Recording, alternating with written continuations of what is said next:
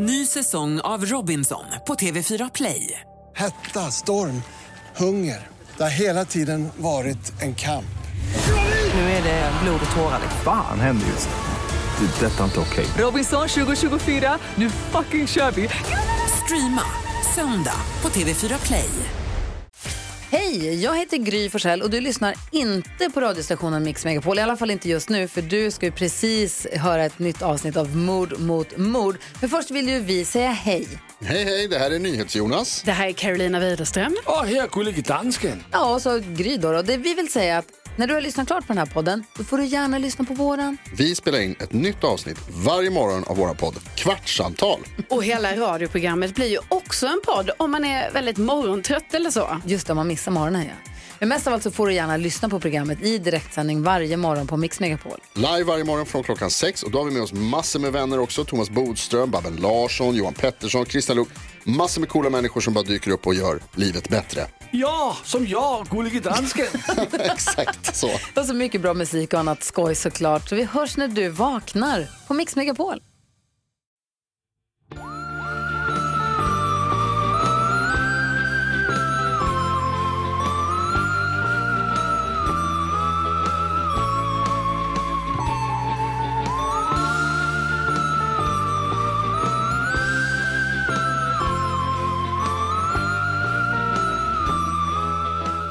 Hallå och välkomna till Mord mot mord. Vår podd, vår, Vår- crime-podd. Fucking podd. Eh, Inte vår fucking podd. som vi gör eh, varje vecka. Mm. Sådana är vi. Ordning och reda. Eh, vi sätter oss mitt emot varandra, pratar om eh, lite olika saker och sen om varsitt fall. Precis. Det är väl, ungef- det är väl en bra sammanfattning? Det är en bra sammanfattning. Mm, tack snälla. Hur är det med dig? Det är bra. Hur var din påsk? Den var väldigt bra. Vi, Berätta. Jag var i Kivik. Just det, hos Eh, din killes familj. Precis. Mm. De har ett eh, sommarhus där, eller ett landställe där. Och det var jättefint väder. Och vi har pysslat jättemycket i trädgården. Gillar du det? Alltså, jag gör du det när det... bilder till mig och var så kolla vad jag eldar! Exakt, för jag gillar sånt. Vi har så här lyft mycket grenar Mm. och du vet så här, jag har typ staplat ved och sånt. Det gillar jag. Jag gillar ju inte typ att ligga och påta i en rabatt. Nej. Men jag gillar liksom när det är fysiskt arbete, typ som nu har vi burit mycket och så Ja. här. Det blir väldigt tydligt resultat. Det är exakt det. Det är likadant som att det är gött att städa något som är Badrummet. riktigt Ja. smutsigt. Mm. För att man bara får ett resultat. Exakt. Medan typ påtandet är så här, åh vad fint det blev, blir här om åtta månader. Eller jag vet inte hur lång tid det tar att odla saker. Nej, eller som när jag städade hemma sist Ja. och Oskar inte ens märkte det. Då kände du dig så connected till så många kvinnor genom historien. Alltså verkligen. Hur var din påsk? Det var jättebra. Mm. Jag och Marcus hyrde ett hus ute på landet Mm. utanför Gnesta. Tyvärr så tror vi att det spökade i huset. Okej. Ehm, det var verkligen ett superhus. Vi trivdes väldigt bra. Och konstigt nog så sov vi väldigt gott. Så jag tänker att det var snälla spöken. Mm. Okej, så det här är det som händer då. Vi kommer hit, bla bla bla, bla, bla eh, så som man gör. Mm. Eh, så som vi gör när vi, när vi umgås. Mm. Ehm, och sen så typ första natten så gick vi och la oss. Och sen vaknar vi liksom båda två med ett sånt jävla ryck av att det liksom är en riktigt hög smäll. Mhm. Alltså den är uppenbart inne, du vet som att något har vält in i huset liksom. Mm. Och båda två är så här, okej, eh, vad är det här typ? Och sen är Marcus här ganska snabb, han bara, det var nog min gitarr. Mhm. Han hade spelat gitarr eh, kvällen innan.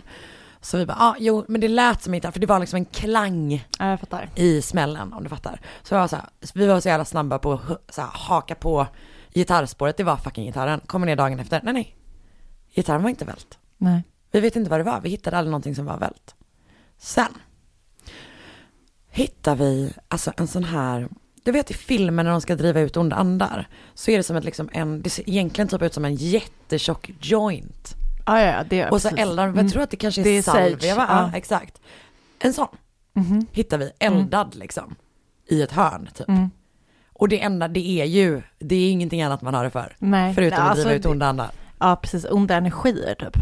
Ah, Okej, ja men så då kan jag ändå vara lugn med att det antagligen bara var Ja. en ond energi. Det kan du. Ah, Okej, men skönt. Men för sen, eh, då var vi så här, och du vet det låg en liten fjäder bredvid, Mhm. som jag tänker att man viftar runt med, I don't know. Mm.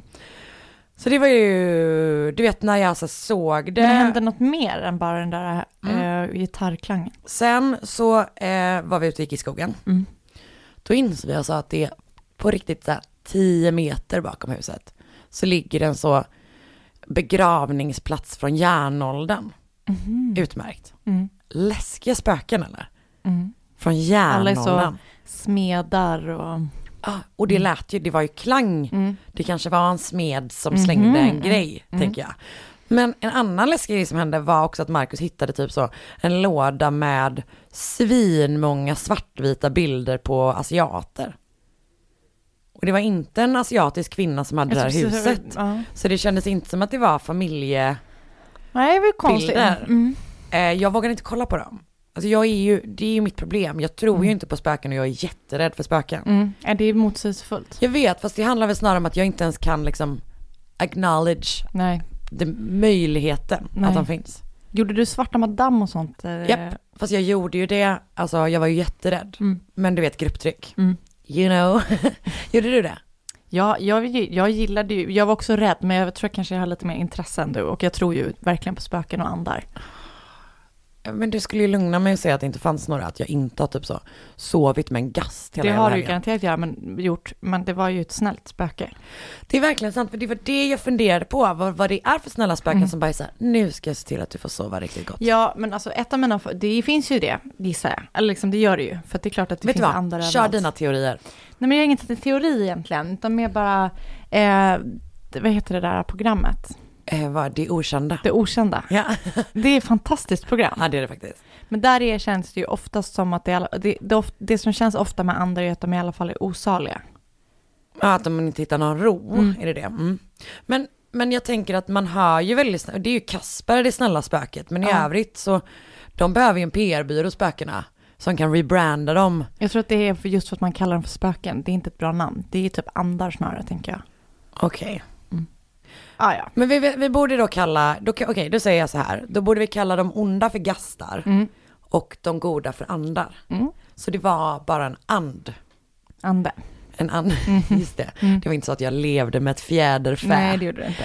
Eh, nej men det var verkligen en super super helg. Mm, vad härligt. Det var fan kanon. Och i måndags hade jag en sån jävla bra dag när jag, du vet, vaknade tidigt, gjorde yoga hemma och sen satte mig typ och klippte podden. Och det kändes som att så här, så här hade det varit om man eh, jobbade med det här. Eller förstår du? Att det Ja, var så här, du vet att jag liksom så, eh, klockan ett hade klippt klart. Att man inte behövde hetsa hem från jobbet och sätta sig i panik Nej. och bara. Nej. Fick sån eh, frilanskänsla. Men saknade du det då? Alltså ja, för att jag tror, jag har ju frilansat lite innan och det är ju jättejobbigt på vissa sätt. Mm. Mitt problem var ju framförallt att jag aldrig slutade jobba. Framför, alltså då hade jag inget kontor att gå till liksom. Nej. Men det var ju också jävligt härligt. Jag har ju också börjat få en sån längtan här nu att jag typ inte, att jag säger till mina kollegor att jag bara, jag går och sätter mig på ett café. Mm. Men det är ju Jag bra att man kan göra det. Ja, vi har ju verkligen inte den kulturen. Nej. Alltså alls. Men det, eh, ja, jag tror att jag har en liten, liten frilanslängtan. Mm. Som eh, kan stillas av att bara sitta på ett café och Mm. jobba en eftermiddag. bra. Ja, men det är faktiskt härligt. Ehm, har du lyssnat på någonting? Har du läst någonting? Jo, jag lyssnade på en ny P1-dokumentär Okej. som heter Avrättad av IS. Och fy fan. Som var jätteintressant och är såklart fruktansvärd. Vad är, vem är, Det är en eh, kille som, eh, liksom, jag, jag tror att han är uppväxt i Sverige. Mm. Eller, ja. Han har varit så här, eh, ehm, han har haft massa issues, liksom. han har inte mått så bra. Han har liksom medicinerat och sådär. Så, och så åker han till, om det är Irak, ja. Tror jag. Eh, han åker i alla fall med sin farbror dit. Oj, okej. eh, som har någon slags business där och så blir de kidnappade. De är shia-muslimer Ah, och ehm, och blir kidnappade. blir kidnappade. Och han, eh, Nor som han heter, den här killen som, eh, han har tatuerat in eh, Imam eh, Alis svärd, tror jag att det heter. Okej. Som är en så här shiitisk eh, symbol på sin underarm. Och då har de, liksom- den är bara, den är bara otrolig, den är liksom superhemsk såklart. Ja. De blir kidnappade av IS. Åh, fy fan. Hemsk. Men väldigt bra som alla P1-dokumentärer är. Ja, jag känner att jag måste typ tillbaka lite grann Mm. i P1-dokumentärs-gamet. för att Mm. de gör ju så jävla mycket bra grejer. Det bra grejer. måste vi ge dem. Det tycker jag. Ska vi dra igång lika? Ja. Ett poddtips från Podplay. I podden Något Kaiko garanterar östgötarna Brutti och jag, Davva, dig en stor dos skratt. Där följer jag pladask för köttätandet igen. Man är lite som en jävla vampyr. Man har fått lite blodsmak och då måste man ha mer. Udda spaningar, fängslande anekdoter och en och annan arg rant. Jag måste ha mitt kaffe på morgonen för annars är jag ingen trevlig människa. Då är du ingen trevlig människa, punkt. Något Kaiko, hör du på Podplay. Därför är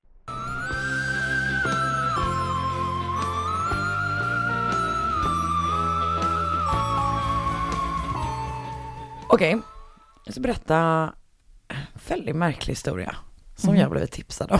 Okej. Den är verkligen speciell, Mm. kan vi säga. Ehm, vi är då i maj 1963, när 14-åriga Sebastian Guerrero, han är liksom ute och, eh, jag vet inte om han går eller om han leker, jag vet inte vad han gör, men han är i alla fall utanför den lilla byn Yerba Buena i Mexiko. Och han, det är liksom, det är ett berg och så är det liksom grottor typ. Och så ser han hur det kommer ljus från en grotta och typ han hör ljud. Mhm. Så han liksom så smyger närmare och kikar in. Och inne i den här grottan så pågår liksom den värsta scenen du kan tänka dig. Det liksom är ritualer, ritualmord. Det är liksom folk som typ, du vet, dricker blod. Det är, liksom, alltså det är så här, det är... Var, vilket land är det? Eh, Mexiko, förlåt. Mexiko. Mm. Ehm, och han liksom så här ser då en person bli mördad. Usch. Och sen så liksom backar han långsamt bakåt för att ingen ska höra han. Tänk dig skräcken. Mm. Och sen så springer han två och en halv mil till närmsta polisstation. Jävlar. Problemet är ju då att när han berättar för de här poliserna att vad han har sett ehm, så tror de honom inte utan tänker typ så här, här är en sjuk person eller här är en galen person Mm. eller här är ett barn eller whatever liksom. Eh, och det han säger är ju liksom så här, jag har sett folk dricka blod som vampyrer. Mm. Så att de är så här, absolut lilla gubben typ. Men jag tror att det är på kvällen. Och sen får han stanna på polisstationen för han, de kan ju liksom inte bara skicka iväg ett barn hur som helst. Som sagt han är jättelångt hemifrån. Så att morgonen efter så får en polis som heter Luis Martinez uppdrag att följa honom hem. Mm. Och på vägen då, eller strax innan de går, så lovar han att han så här, okej men vet du vad, vi går och kollar grottan. Jag tänker du vet att det verkligen är som en sånt, när man typ ger en eftergift för att man ska, vi, alltså att det Mm. liksom säger nu ska vi bara lugna dig Mm. liksom. Ja, vi går och kollar den här grottan liksom. Så de lämnar polisstationen tillsammans. Och det är sista gången de ses i liv. Mhm. Så, den här historien börjar då egentligen med två helt andra personer, bröderna Santos och Cayetano Hernandez. Och de var liksom till en början någon slags så här kringresande jävla skojare typ, som håller på med scams och sånt. Mhm. Och sen så har de liksom eh, eskalerat lite grann till eh, men inbrott och rån och liksom sådär. De är inga, ja men de är inga good people. Nej. Men i slutet av 1962 så kommer de på en idé. Liksom, det här känns som att de tyckte att de var så jävla smarta när de hittade på den här idén. För det de ska göra då är att hitta en liten by där invånarna är liksom fattiga, isolerade och inte liksom läs och skrivkunniga, alltså outbildade liksom. Och sen ska de manipulera dem att tro att de är återuppståndna inkagudar. Mhm. Och om de bara följer dem i det här, om de gör som de säger, så kommer de då belöna de här byborna med rikedomar. Mhm. Och typ så här, ja men välstånd och hela den där grejen liksom. Så att de hittar då byn Yerba Buena som har typ 50 invånare och är liksom extremt isolerat. Eh, det är så här perfekt för deras syfte. En grej eh, är att de gör ett fel då när de rider in i den här byn och säger det här med inkagudar. För liksom inka har aldrig, det har aldrig varit, det är inte det att inkariket var där Nej, överhuvudtaget. utan det. det var ju så Peru, Peru, liksom. ja. Men och framförallt de här delarna av Mexiko, det har liksom inte varit Nej. det överhuvudtaget, utan de var um, azteker. Ah. är liksom det Mm. som var där. Så det är helt, an, det är helt annan mytologi och, Mhm. men de kör på med det liksom. Mm. Så att jag tror att de, eh, men de säger det och folk ändå typ köper det på något sätt liksom. Ehm, jag antar att de helt enkelt var supermanipulerande och jättecharmiga Mm. och var bra på att få med sig folk liksom. Så de säger då till de som bor där att om de följer dem och gör som de säger, offrar lite tillhörigheter, du vet sådana grejer, så kommer de visa de skatter och rikedomar som finns gömda i grottorna runt byn. Ehm, och du vet, så här, ge dem framgång med skördar och skänka god lycka, bla bla bla, allt sånt där. Och typ nästan alla går med på det här liksom i den här Mhm. byn, de blir liksom involverade i det här. Och det blir supersnabbt en riktigt eh, fuckad eh, sekt, Mm. kan man väl säga. Så det finns någon liksom, eh, de har någon gård i byn som jag tror att de bor i, eller som bröderna har då liksom. Men de började också använda sig av den här grottan. Och där arrangerar de ritualer där man bland annat röker gräs och äter som peyote. Mhm. Eh, du vet sån eh, Mm. kaktus som man blir, det är väl hallucinogent Ja, liksom. Ehm, och sen så börjar de då ha orgier. Man kan väl säga att de i mångt och mycket gör hela byn till sina sexslavar. Jag vet inte om de har sex med alla, men det är liksom Mm. så här, de är så här, nu måste alla ha sex med varandra och framförallt säkert med oss Mm. liksom. Så att det är så här, det känns som att det går så himla fort med liksom. Men de lyckas bara manipulera de här människorna och sen är de säkert läskiga och våldsamma och så också Mm. tänker jag. Så att de, folk lever i en sån, men typ en fångenskap. De har, när de har kontroll på hela den här jävla byn liksom. Mm. Men trots det, eller liksom inte kanske trots det, utan det som händer är att byborna börjar vara så här, "Men vad är det här? Typ, det har Mhm. inte kommit några skatter. Nej. Vi har, inte hitt, vi har inte fått några belöningar överhuvudtaget. Det enda som har hänt är typ att vi har blivit våldtagna och drogade och ni har tagit all, alltså de får pengarna, folk var superfattiga, Mm. de får pengarna som de hade, hade de fått ge, ge till dem liksom. Så att folk börjar, men det börjar uttryckas missnöje helt enkelt och då bröderna känner så här hur de blir men mer och mer pressade egentligen. Och de börjar liksom tappa sitt grepp om den här situationen som ju de tycker är kanon liksom. Mm. Att de bara är där och får typ ligga och knarka och få pengar och grejer från folk liksom. Så vad gör då bröderna Hernandez? De inser att de behöver liksom något att imponera på de här byborna med. Mm. Så någon gång våren 1963 så åker de till Monterrey i norra Mexiko för att liksom hitta nya personer att dra in i sin plan. Mhm. Och där möter de syskonen Elias, eh, Eliasar och Magdalena Solis. Och jag läste någonstans att de i början, du vet, det kändes lite grann som de hade någon sån tanke om att så här, vi eh, tar in sexarbetare för att då som blir som någon slags I don't know, sexuell eh, gåva då till Aha. det här. Alltså jag vet inte om det finns någon, det känns som att det är någon sån grej liksom. Det var inte en skatt i guld vi menade, det Nej, var en det var en kropp. Det var en skatt i bröst. Men eh, så vi pratar lite grann om Magdalena Solis då. Hon föds någon gång i mitten på 30-talet. Man vet inte när.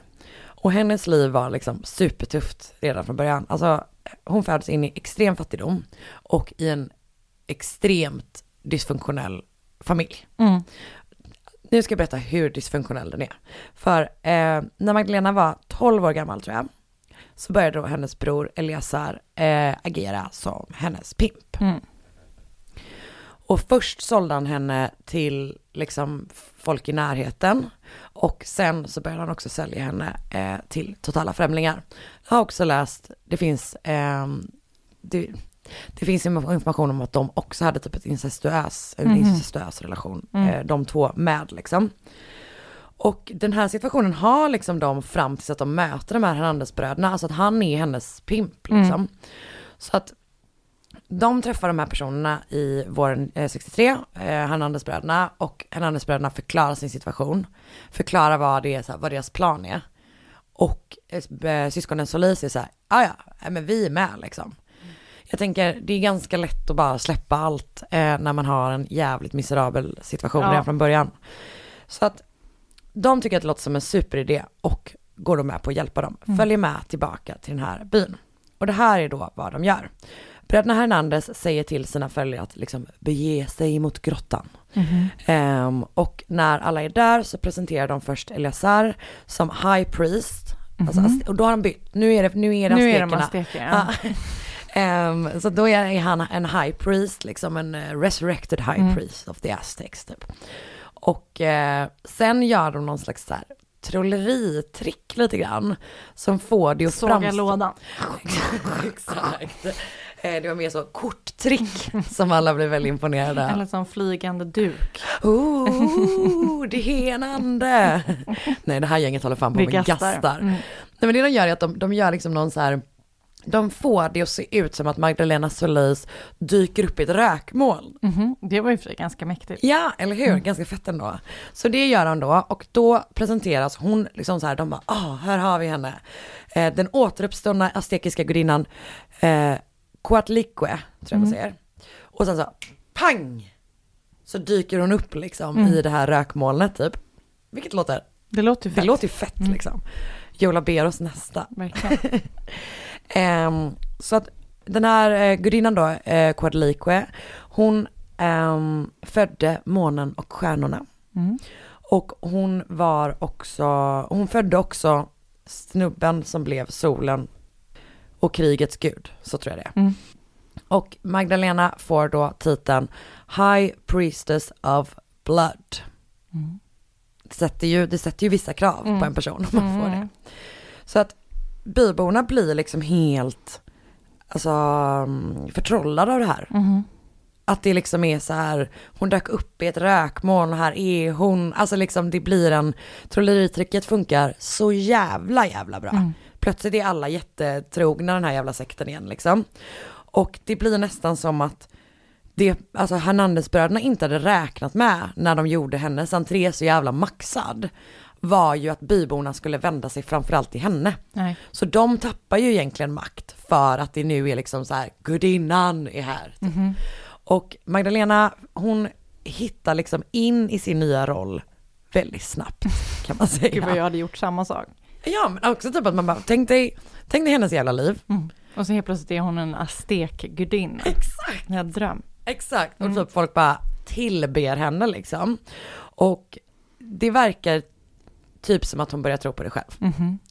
Jag läste på vissa ställen står det att hon gick in i liksom någon slags, du vet, psykos typ. Jag Mm. vet inte om det var så eller om hon bara utnyttjade, utnyttjade situationen. Det är lite svårt att veta. Mm. Ehm, det är också den här typen av fall där det blir så mycket um, med höljt i dunkel för att det är så, det är ritualer och det är gudar och det är Mm. liksom så här, ja, hur som helst. Hon ehm, blir liksom helt uppslukad av sin roll och går in i det helt och hållet och tar då över ledarskapet för den här sekten. Och det kommer då visa sig att hon är extremt sadistisk och extremt våldsam. Och inte nog då med att byborna återigen liksom börjar tvingas typ knarka eh, och ha orger och sådär. Eh, det ballar liksom ur mer och mer. Mhm. Och hon börjar beordra dem att så här, alltså utöva våld mot varandra, att, alltså att sortera varandra. Eh, och hon verkar, ja men det verkar som att hon tycker att det är nice. Hon tycker det är härligt liksom. Ja, Mm. ja men typ så. Så, Vad är man för människa då? ja men alltså ja. Är det... Nej, jag vill att du ska svara på det. Gud, du vänder dig verkligen till en som vet. Men jag tänker att det eh, förstås finns en, eh, eller jag tänker att våld kan normaliseras när man har utsatts för våld Mm. så himla himla tidigt. Mm.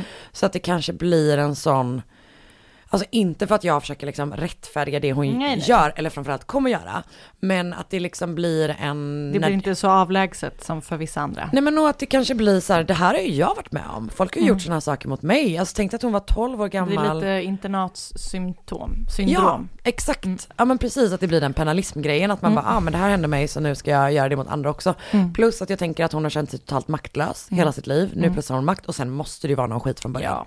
Jag tänker vad är det sociopat man blir? Psykopat föds man till Mm. tror jag. Eh, så att hon är väl totalt jävla, inte avskärmad, vad heter det, avtrubbad. Mm. Typ. Ehm, jag tror, alltså, sen är det också så att folk är med om vidriga, vidriga saker och absolut inte gör Nej, så här. det vet Så att jag tänker att det finns väl några grundtendenser. Okej, eh, bara några veckor efter att Magdalena kommit till byn och tagit över så beordrar hon då sina första mord. För då vill två av byborna lämna sekten. Mhm. Och eh, jag gissar att det är för att de inte gillar att bli torterade och våldtagna. Mm. Det känns som en rimlig anledning att sluta på ett jobb, höll jag på att säga. Eh, så de, det kommer då fram att eh, de vill lämna. och då för man dem inför, liksom framför gudinnan. Eh, och hon ska då bestämma vad som ska hända med dem. Och hon kommer då fram till att lynchning till döden känns som ett eh, rimligt straff. Mhm. Så hon beordrar då de andra sektmedlemmarna att attackera de här två och tillsammans liksom misshandla dem tills de dör. Fy fan vad läskigt. Och det blir liksom startskottet på en sån total eskalering av det här beteendet. Och eh, av då, alltså Magdalena, Eliasar och bröderna Hernandez beteende. För det är inte som att de andra inte är involverade. Nej. Ehm, för de märker ju då att så här, det som krävs för att folk inte ska vilja hoppa av, det är ju att de är rädda. Det är liksom det som hon, de fram, framstår som totalt jävla gränslösa och liksom bara, ja. så. Management by fear. Verkligen, Mm. verkligen så. Så Magdalena som då är the high priestess of blood Mm. börjar förstås genomföra blodritualer. Där de alltså, eh, men åderlåter är det väl, följare. Mm. Alltså de liksom dränerar följare som vill lämna på deras blod. Sen blandar de det med kycklingblod. Och sen så har de liksom ett krus som de dricker ur det. Alltså ur, dricker blodet ur. Mm. Och jag tror att det framför allt är eh, Magdalena och de andra high priests eh, Mm. som gör det, men man skickar också vidare till andra. Och eh, det ska då så här, du vet, ge rikedomar och evig Styrka, ungdom. typ, och, ja. exakt. Det känns lite Elisabeth Bathory, Mm. vissa av de här grejerna. Mm. Jag är också som sagt orolig att precis som med Elisabeth Bathory kan det vara gravt överdrivet. Då är det så. Säkert. Mm. Innan man tog offrens blod så utsätter man då de här liksom svikarna för tortyr. Mm. Man bränner dem, misshandlar dem, skär av vissa kroppsdelar och sådär. Och så tvingar man då liksom, alltså man tvingar ju de andra sektmedlemmarna att vara med i allting liksom. Vilket jag tänker blir en sån dubbel, dubbelkontrollgrej. Och när de då är nöjda med den här tortyren, med åderlåtning och allt det andra, så låter de liksom bara dem men blöda ut och dö egentligen. Och under sex veckor så eh, offrar man då minst sex personer. Mm. Och det är så sjukt att det eskalerar så jävla snabbt. Alltså hon har varit där i liksom en halv månad. Mm. Sex offer. Och det finns också, jag har läst på några ställen att i slutet av den här liksom eskaleringsperioden så började man typ skära ut hjärtat på folk. Gud. Du vet medan de först fortfarande levde. Alltså som Mm. sagt, det kan verkligen vara grovt överdrivet. Men det är så här, det är liksom det som Rumor has it. Ja, men lite så. Och typ verkligen så alla Mm. rumors Mm. has it. Så ehm, det är också bara typ 40-50 personer är liksom Bodde den här byn. pojken som hittade dem i grottan i den här byn? Nej, han är från en annan by. Mm. Så han har liksom ingen koll på det som har hänt Nej. där. Han är uppenbarligen en märklig person som är ute En och traskar mil Mm. i bergen på, en egen, på egen hand. Eh, så som sagt då, i maj 63 så kommer den här pojken, Sebastian Guerrero, och ser då ett av de sista morden som sekten Mm. genomför. Och när Sebastian och polisen då, Luis Martinez, försvinner så börjar man, alltså börjar de ju utreda vad som kan ha hänt och jag tänker att man också blir lite nojig för att man eventuellt har en satanistisk sekt som Mm. suger blod i bergen. Ja, De bara, Den lilla. det kan vara läge att agera. Så de gör det. Den 31 maj så bestämmer polisen sig för att tillsammans med militären storma den här grottan. Stor operation. Mm. Ehm, och där inne försöker då Sen bodde de i grottan eller? Nej, alltså det är lite oklart. Ja. För att de har ju en gård och grejen är att de bor, måste ju, eftersom det är en by och det är byborna som är med. Så borde de ju bo i byn. Ja, Ja, exakt. samma. De stormar i alla fall. Ja, exakt. Och då är det sektmedlemmar där inne. De har Ja. barrikaderat sig i grottan Ja, liksom. ja, Och, De eh, kanske anar att det är på gång. ja men exakt, det är väl... Och eh, tar tillflykt. Ja, det kanske stått en sån spejare. Mm. Eh, i, min, I mitt huvud nu Mm. så var en spejare involverad. De har, alltså polisen har uppenbarligen eh, skjutvapen och det har också de i grottan. Så det blir en liksom sån jävla shootout. Läskigt mellan de här i båda. sånt litet utrymme. Ja, eller hur? Jätteobehagligt. Och även du vet att det är ett fucking slakthus där inne Ja, från jo, början. det också. Oh. Så att eh, det är väldigt många sektmedlemmar som dör Mm. under den perioden. Och när de väl tar sig in i grottan så hittar man då kroppsp- kroppsdelar utspridda. Man hittar liksom Det så måste här, lukta så äckligt där Ja, ja, ja, tusen procent. Eh, och du vet, det är liksom så här blod kletat på, ja, det är Äckligt. så vidrigt här. Magdalena, Eliasar och Santos och Cayetano Hernandez är inte i grottan. De är då på den här gården i byn som de, där de, som de har tagit över. Där hittar man också kilovis med gräs. Eh, Så jag tror att man i början tar dem på det. Mm. Men grejen är att man hittar också eh, Sebastian och Louise kroppar där. Mhm. Och Louise hjärta saknas Ja. när man hittar honom. Och när polisen då väl lyckas ta sig in på den här gården så är Cayetano Hernandez redan död. För han skjuts av en sektmedlem som heter Jesus Rubio. Och det sägs då att eh, Jesus tog ut sin hämnd för att han ville bli en sån high priest. Mhm. Men att han inte fick den tillåtelsen. Så då passade han på att skjuta, så hämnas lite grann. Mm. I don't know. Ehm, och hans bror Santos skjuts av polisen när han försöker liksom ehm, ja, fly. eller whatever. Mm. Men syskonen Solis är då alltså fortfarande i livet. Men trots att man hittar resterna av sex människor i grottan så åtalas de bara för morden på Sebastian Guerrero och Luis Martinez. Mhm. Ja, man kanske inte kan styrka att de... Alltså det är ju liksom det som är grejen Mm. för att trots då att, eller det är inga sektmedlemmar som berättar någonting. Nej. De håller, alltså de har uppenbarligen fortfarande ett sånt jävla grepp över dem liksom. Så de berättar ingenting. Jag tänker ju också, om man vill vara lite cynisk, att de kanske ansåg att mordet på Polisen och pojken. och pojken ja. prioriterades där liksom. Säkert.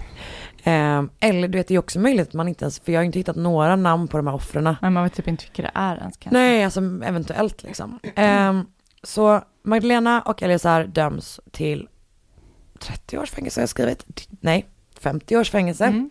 ehm, för de här två morden. Och resten av de överlevande byborna, som sagt vägrar att vittna mot de här personerna, men de döms liksom allihopa till 30 års fängelse för att då ha deltagit i morden på de här sex personerna. Mhm. Och det, alltså som sagt, ingen av dem säger någonting då, men de börjar prata när de blir äldre. Mm. Så att mycket av de här uppgifterna kommer liksom från, Från från dem. dem. Eh, men att det, de, de gjorde inte det då. Liksom. Har de fått komma ut ur fängelset?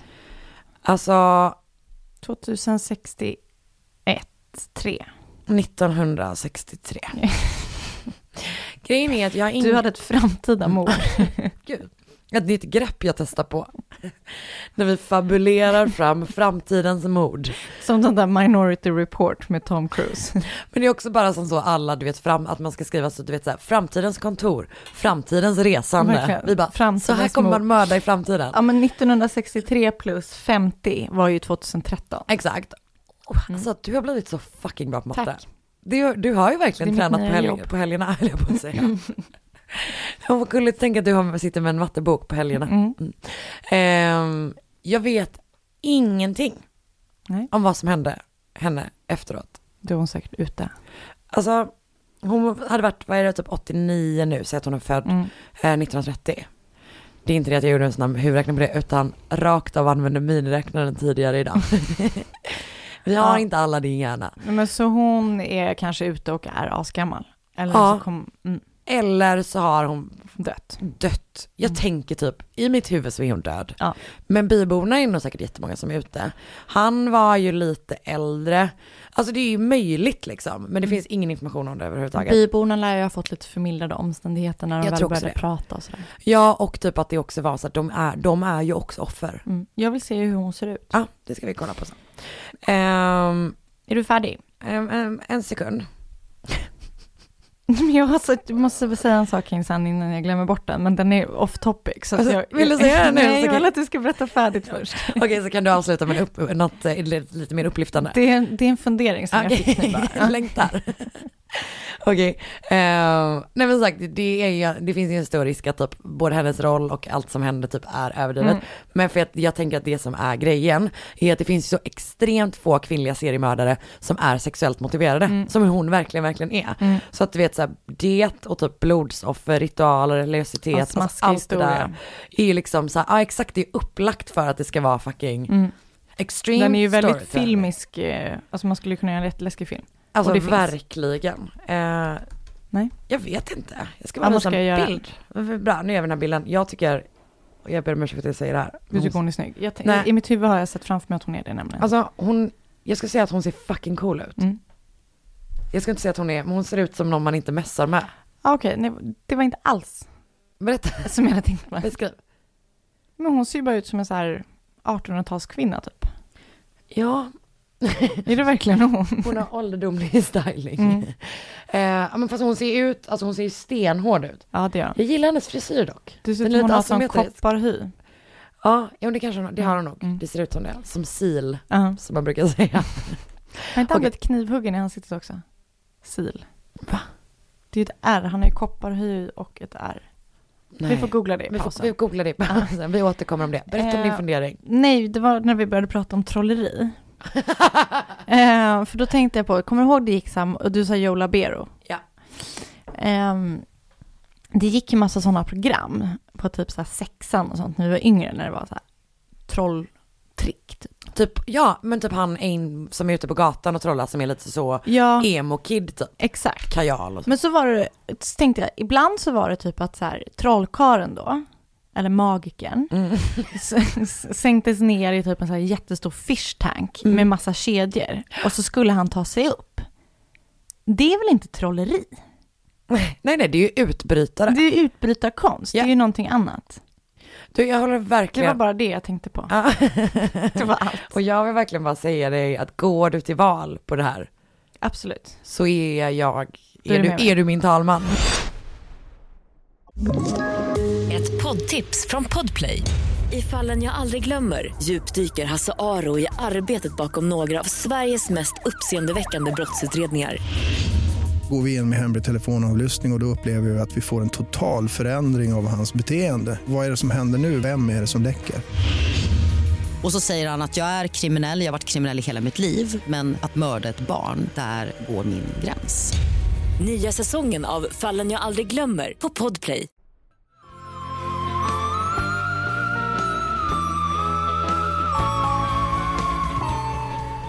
Discoid lupus erythematosus har Mm. sil. Det är därför. Han har aldrig blivit knivhuggen. Han har aldrig blivit knivhuggen. Varför har jag hittat på det då? Åtminstone inte i ansiktet. Då har han säkert inte blivit det. Nej. Okej, Mm, Okej, bra. då är det min tur. Då är det din tur. Är du beredd? Jag ska hälla upp vatten. Vill du ha vatten? Jag har tack. Iwao Hakamada föddes den 10 mars 1936 i Shizuoka City i Japan. Mm. Vet du vem det här är? Nej. Han var alla Gud vad imponerad jag är. Det är som att jag hade dragit på tian i På spåret. Absolut inte. Eh, Iwao var en framgångsrik boxare i lättviktsklassen. Ja, vänta. Mm. Jag trodde alltså att i wow, alltså Ja. att, um, läs det allra första som du sa. Iwao, Iwao Hakamada Jag trodde du menade att det var en stad, alltså i staden Wow Hakamada föddes... föddes, förstår du vad jag menar? Okej, nej han heter Han Iwao heter i Wow, Hakamada. ja, Ja. jag är med.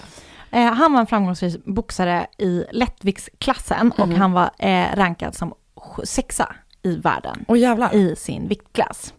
Och ehm, det här är inte superstark information, men under mellan åren 1959 och 1961 så var han med i 29 stycken professionella boxningsmatcher där han, där jag, det jag har skrivit här, det gick bra för honom i de matcherna. Jag vet inte du om vet han inte vann. hur bra. Ehm, Han överlevde. han överlevde. Mm. För 1961, så la, då var han alltså 25 år gammal, la han sin boxningskarriär på hyllan. Mhm. Och han började istället arbeta på en fabrik som eh, tillverkade misopasta. Åh, nu blir jag så sugen på myssoppa. Ja, men det känns som ett konstigt karriärstag. Jag vet i och för sig inte exakt vad han gjorde där, men... ehm, Man kanske var svinbra på miso, eller Ja, gillar miso väldigt exakt. mycket. Men, eller och, i juni 1966, när han var 30 år gammal, så hände något som skulle förändra Iwaos liv ganska ordentligt. Okej. För på kvällen den 13 juni eh, 1966 började det brinna hemma hos en av Iwaos chefer på misofabriken. Eh, och Iwao var där för att hjälpa till med att släcka elden. Och när elden väl var släckt så hittade man chefen och chefens fru och deras två barn, alla döda. Oj. Huggna till döds. Oj. Och innan huset, eller så innan huset hade blivit påtuttat så hade då någon dödat de här fyra personerna och någon hade också stulit 200 000 yen. Jag vet inte hur mycket pengar det är. Nej, det är väldigt Eh, svårt att veta. Men det känns som att det kan vara ganska mycket pengar. Eh, och polisen började då såklart utreda vad som har hänt och i augusti samma år så greps Iwao Hakamada för det här brottet. Okej. Eh, och under tiden som han satt häktad så erkände han brottet. Och han åtalades då för mord för fyra personer, för stöld och mordbrand. På Som, och det här liksom, åtalet baserades på eh, hans egna erkännande och en liten, liten, liten fläck blod och en liten, liten fläck bensin som hittades på en pyjamas som han som tillhörde Iwao. Så speciellt om man begick mordet i pyjamas. Mm. Precis, men det är inte riktigt så som de tror. Men det, vi kommer till det sen. Spännande. 1968, alltså två år efter morden, så drog rättegången mot Iwao igång. Och under rättegången så tog han tillbaka sitt erkännande. Eh, för han och hans försvarsadvokat hävdade då att Iwao hade blivit tota- eh, förhörd i totalt 264 timmar i 16 timmars svep, Åh, svep eh, över 23 dagar. Åh jävlar! För att då liksom de skulle frammana ett erkännande. Så att han, eh, han blev också nekad både vatten och tillgång till en toalett under tiden han förhördes. Så han har ju Det är upplagt för att det ska bli ett falskt erkännande. ja. Exakt, Mm. och han har, säger också då att han har både blivit sparkad och slagen av polisen under förhören.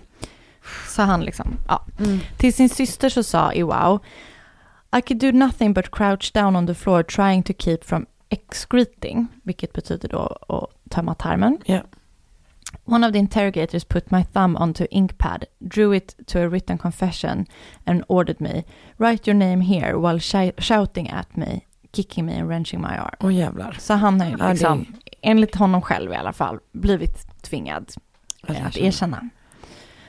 Ehm, och när han då tog tillbaka sitt erkännande så bestämde sig åklagaren också för att lämna det här liksom ganska svaga beviset med hans, den här pyjamasen eh, och hans erkännande. Och så fokuserade de istället på eh, andra blodiga kläder som de hade hittat i en misotank eh, på, alltså fa- eh, en tank på misofabriken.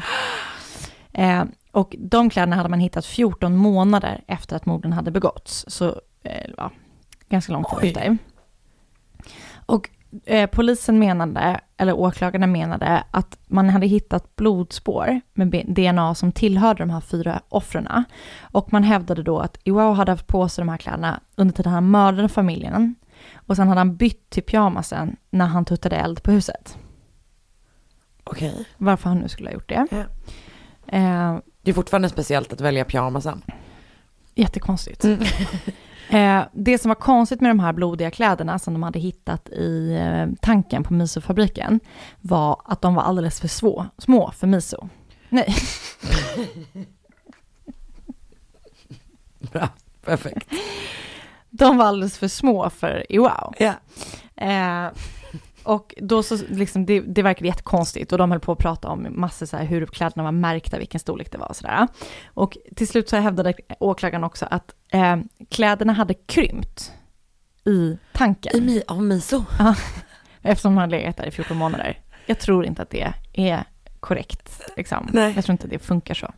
Också hur sällan städar de sin tank? Inte så ofta tydligen. Men inte längre sugen på misosoppa. Nej, jag vet inte exakt vad tanken innehöll. Nej.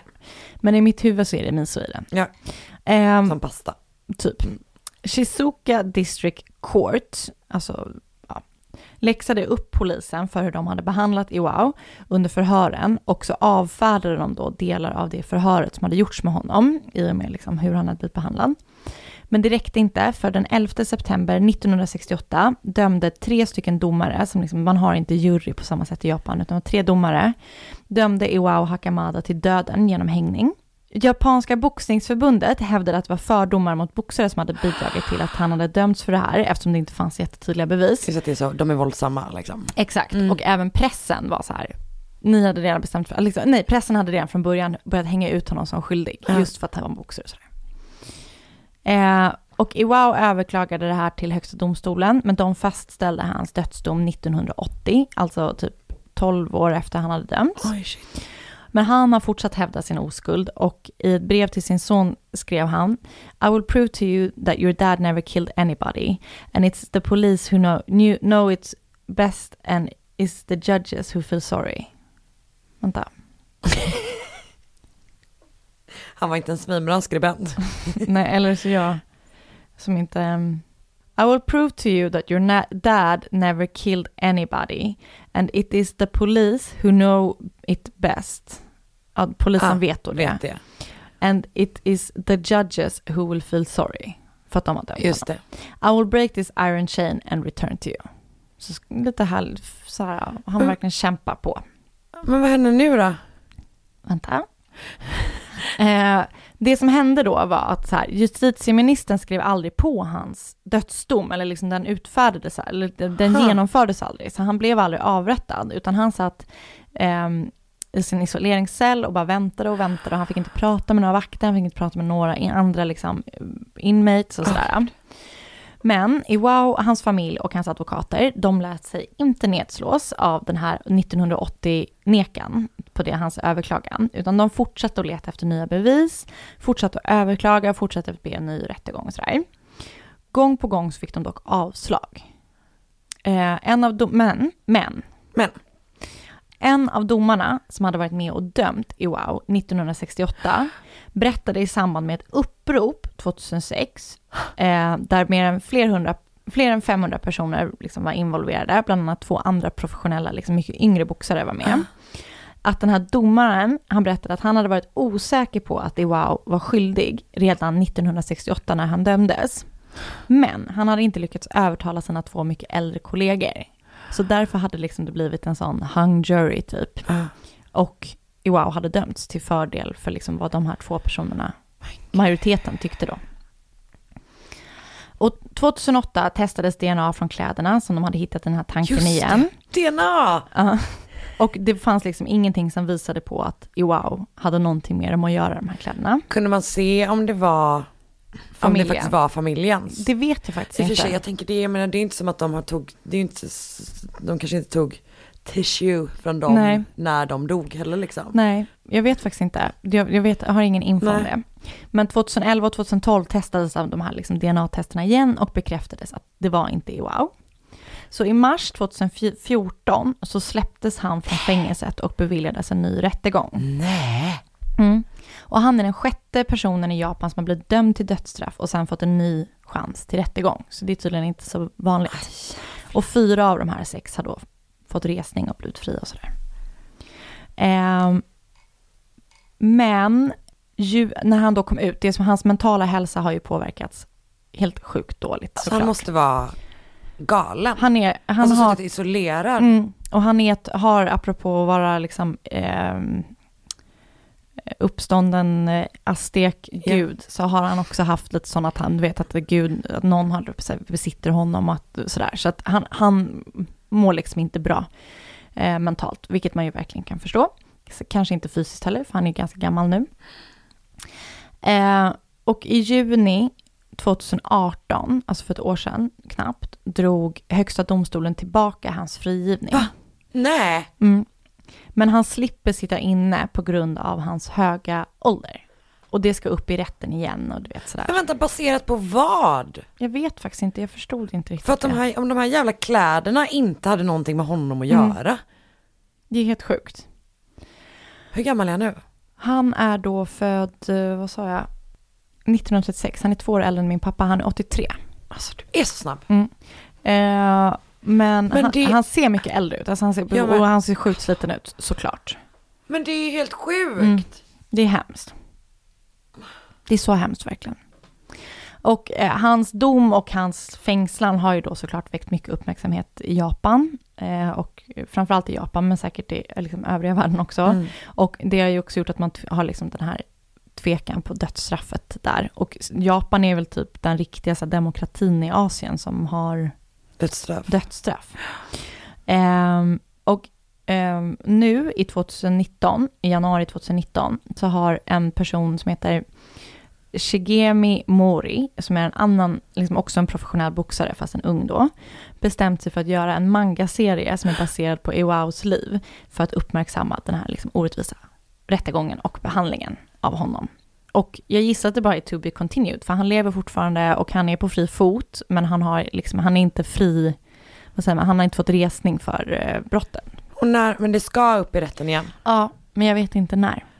Men det där är ju helt Ja. jävla sjukt. Så sjukt. Men också, fan hur länge satt han inne sa vi? Alltså han satt Förlåt, inne från från 68, 68 till 2014, så det är alltså två, 46 år, tror jag. Tror jag. Jag ställer bara den frågan för att du skulle få räkna med matte. Tack. Men alltså tänk dig suttit isole- isolerad. Så alltså, länge. Jag tänker att, Men han måste ju haft en så stark övertygelse om att han ska få komma ut. För jag tänker annars typ begår man väl kanske själv. förresten, man kan ju inte det. Nej. Det är det som ger mig Man sån jävla panik. Mm. Alltså man, gör... kan ju hung- man kan ju matstrejka.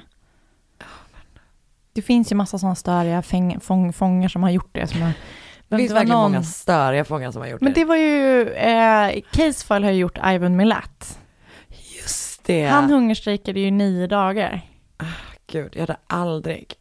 jag hade Den har jag lyssnat på, de här fem delarna av The Belangio Killer. Har du gjort det? Jag Ja. föll ur, kan man säga. Jag har lyssnat på alla. Okej, hur var det? Nej men det är ju skitintressant. Jag har ju tänkt att jag ska göra Ivan Milat och jag är glad att jag inte gjorde det eftersom Casefile tog fem timmar på sig och, och, och dokumentera det. Vet du vad, du hade läst på en kvart. Tack. Eh, nej men, Men den är jättespännande. Ja men det här var ju hemskt och man Ja, men får, får ju panik. panik. Och jag vill igen prata om den här bra filmen med Kevin Spacey där de ifrågasätter dödsfallet. Gör liksom så här, vad händer om man, jag menar det. Ja. Ehm, Vad händer om man, ja. Tänk om det faktiskt är en oskyldig man eller kvinna som döms till döden. Nej nej, alltså minsta, alltså utöver typ att det liksom inte fan är moraliskt rätt med dödsstraff, så är det också bara så här, dödar vi en oskyldig?